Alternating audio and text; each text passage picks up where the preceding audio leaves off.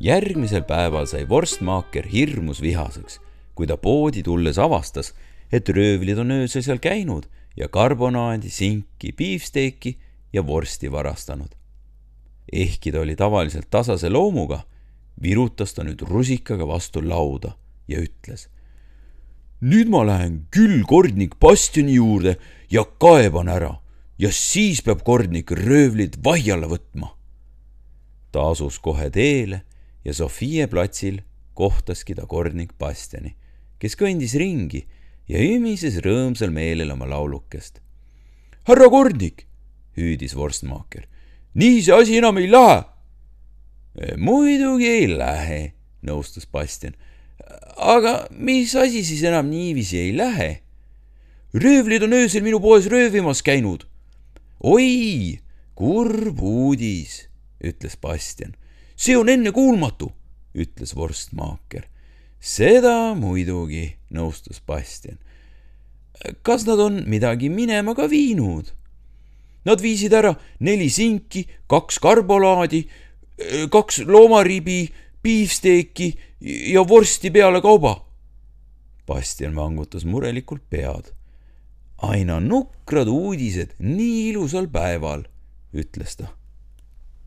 Midagi tuleb ette võtta, ütles vorstmaaker seda küll, ütles Bastian. ma kannan selle oma raamatusse sisse. röövlid tuleb arreteerida, nõudis vorstmaaker. ja otsekohe. no noh, ütles Bastian. iga asi omal ajal. kõigepealt tuleb raamatusse sisse kanda ja siis asja üle hoolikalt järele mõelda. röövlid oleks tulnud juba ammu ilma kinni rabida, ütles vorstmaaker kes oli nüüd nii vihaseks saanud, et muutus juba peaaegu häbematuks. kordnik Bastian vaatas talle murelikult otsa. kuula nüüd, kallis vorstmaaker, kas sina oled kunagi kedagi arreteerinud, kellel on kodus lõvi? ei ole, ütles vorstmaaker. ega mina pole kordnik. mina ka ei ole enam kordnik, kui lõvi on mu nahka pistnud, ütles Bastian. oh palun vabandust, härra Bastian, ütles vorstmaaker. selle peale ma ei mõelnud.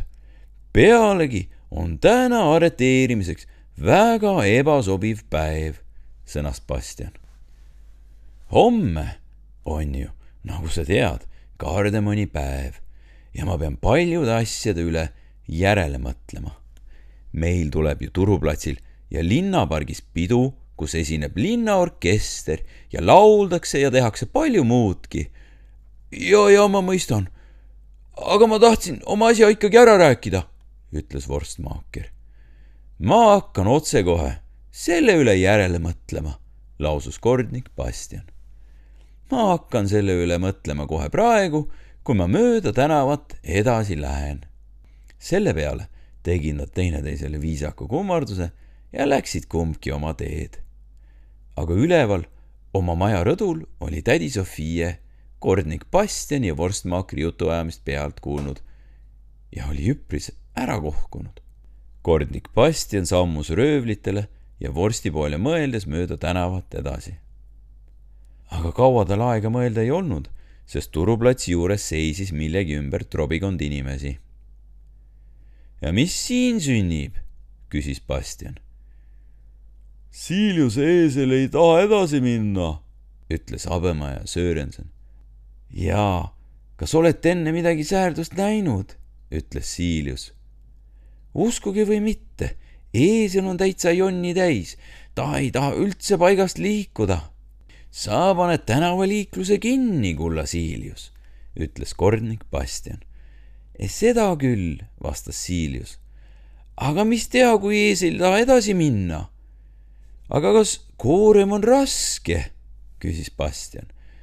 ei ole ta raske ühti, ainult mõned tühjad kartulikotid. nii, nii, me peame aitama looma edasi lükata, ütles Bastian. tulge kõik siia, käskis ta ja kõik tulidki appi. habemaja Sörensen ja kaupmees Berg ja kingsepp ja trammijuht Syverson. ühed tõmbasid eeslit eest ja teised lükkasid tagant. ei hoops, andsid nad hoogu, aga eesel, eesel seisis endiselt paigal. imelik lugu, sõnas kordnik Bastian kukalt kratsides. jah, aga säärdune see loom kord juba on, see, see eesli, ütles Siilius. ta jääb iga kell seisma, olgu keset päeva või varahommikul, kui ta just ümber ei mõtle. Bastian vangutas nukralt pead. Täna on eesli siin seismiseks väga ebasobiv päev, ütles ta. sa ju tead, mis päev on homme. Siilius, ja mul on paljugi üle vaja järele mõelda.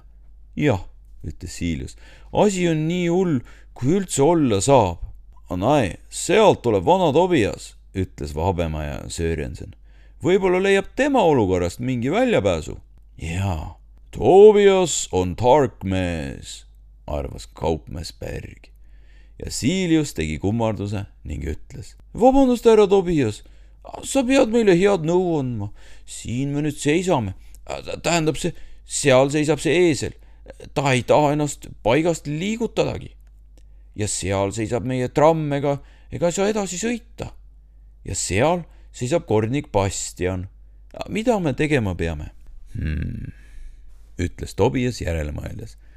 võib-olla rakendad sa kõigepealt vankri lahti, eks me siis vaata.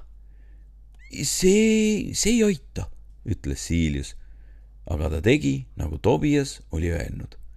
ja nüüd, Siilius, nüüd tirid sa vankri siia eesli kõrvale. niiviisi, jah. ja nii Siilius seda tegigi. nõndaks, ütles Tobias, kui me nüüd kõik koos loomast kinni võtame siis tõstame eesli vankrisse. üks, kaks, kolm ja korraga. ja eesel tõstetigi tühja vankrisse, kus seisis ja imestunult ringi vaatas. sedapsi, ütles Tobias. ja nüüd, Siilius, astu vankri ette, võta haistest kinni ja sõiduta oma eesel koju Siiliusele ei tundunud asi päris õige, aga ta tegi, nagu Tobias oli öelnud. ta võttis mõlemast aisast kinni ja hakkas tirima ja eesel seisis vankris, tundes rõõmu, et ta vankri vedamise asemel priisõidu sai. häälitses ta nagu eeslitel kombeks.